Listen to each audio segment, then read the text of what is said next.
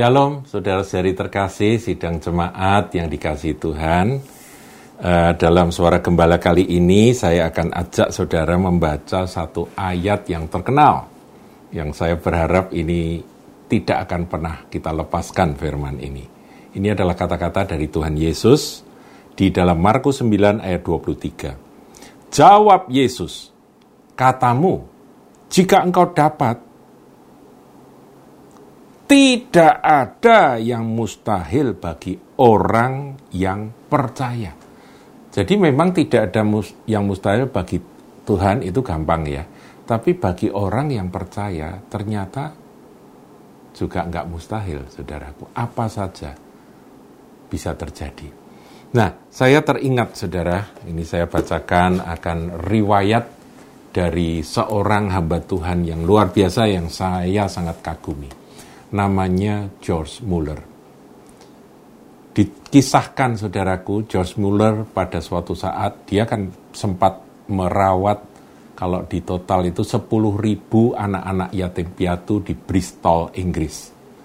Jadi itu adalah eh, sebuah kisah legendaris anak yatim piatu 10 ribu sampai jumlahnya. Itu berarti berapa banyak anak itu dan yang luar biasa, George Muller tidak punya yayasan yang menopang akan panti asuhannya, tidak ada penggalangan dana, yang ada hanya doa dan percaya bahwa Tuhan Allah adalah Yehova Jireh yang menyediakan. Nah, pada suatu hari dikisahkan, ini kisah nyata saudaraku ya, anak-anak ini nggak ada makanan, makanan habis. Jadi piringnya kosong. Dan mereka tetap ber apa itu berkumpul dan duduk di meja makan di ruang makannya yang besar itu. Dan makanan yang kosong uh, apa piring-piring yang kosong nggak ada makanan. Kemudian Josh Muller berkata anak-anak kita hari ini kehabisan makanan. Tapi kita percaya bahwa Bapak kita yang di sorga akan memberi makan pada kita. Kita berdoa, berilah kami makanan kami yang secukupnya pada hari ini. Begitu selesai berdoa, saudaraku, bel di pintu gerbang rumah panti tersebut, panti asuhan yang besar itu, berbunyi. Kelandang, kelandang, kelandang. Nggak ya, mungkin belnya pakai bel masih zaman kuno, saudaraku ya. Kemudian waktu dibuka dia terkejut sekali karena ada setumpuk kentang yang sangat menggunung itu ditaruh di halaman.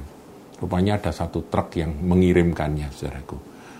Itu adalah kisah-kisah yang sudah biasa terjadi di dalam uh, kehidupan George Muller. Tidak ada yang mustahil bagi orang percaya. Tetapi, saudaraku, ada yang lebih dahsyat. George Muller itu sebetulnya punya masa muda yang sungguh-sungguh bertolak belakang dengan pelayanannya setelah dia menjadi hamba Tuhan. Nah, dikisahkan demikian. George Muller itu lahir 27 September 1805 di Prusia, Jerman. Jadi dia itu sampai ke Inggris itu juga mengembara, saudaraku.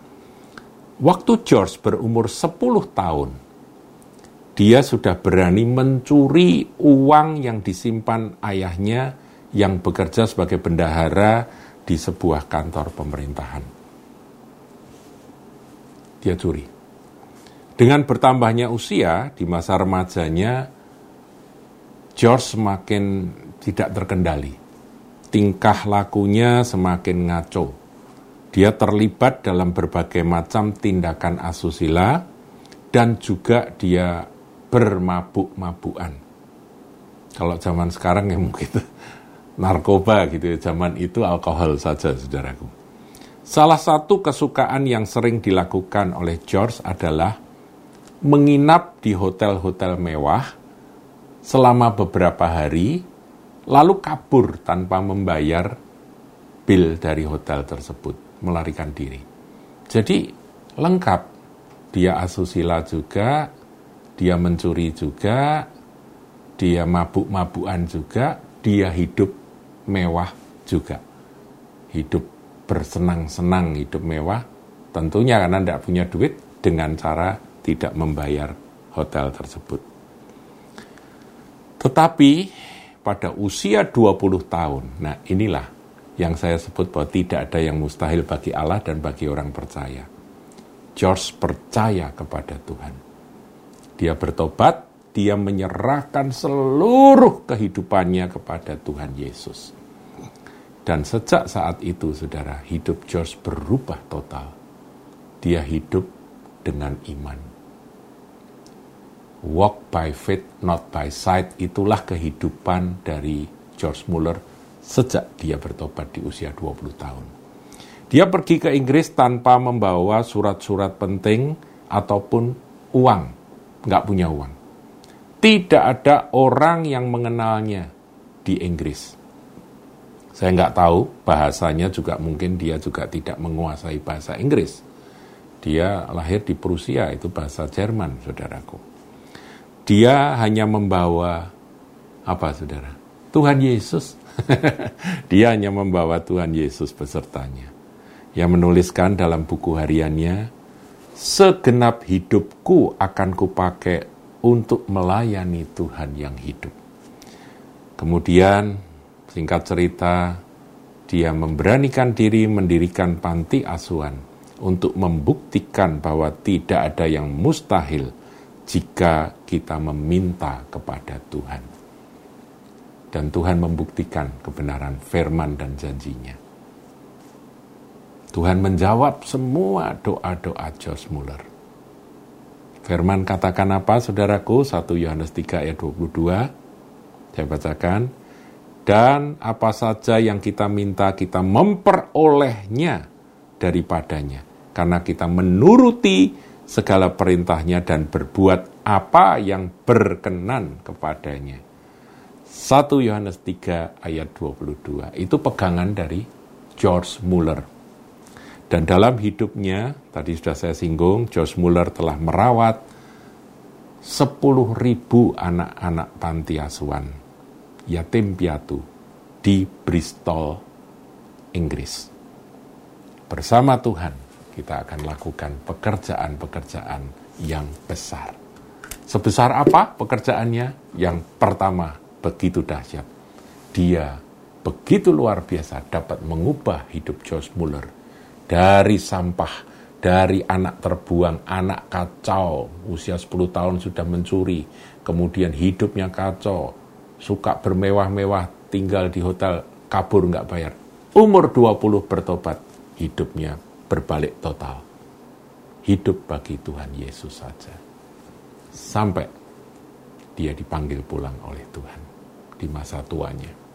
Saudaraku, sekali lagi, tidak ada yang mustahil bagi dia. Dan mujizat terbesar, dia sanggup mengubah saudara dan saya.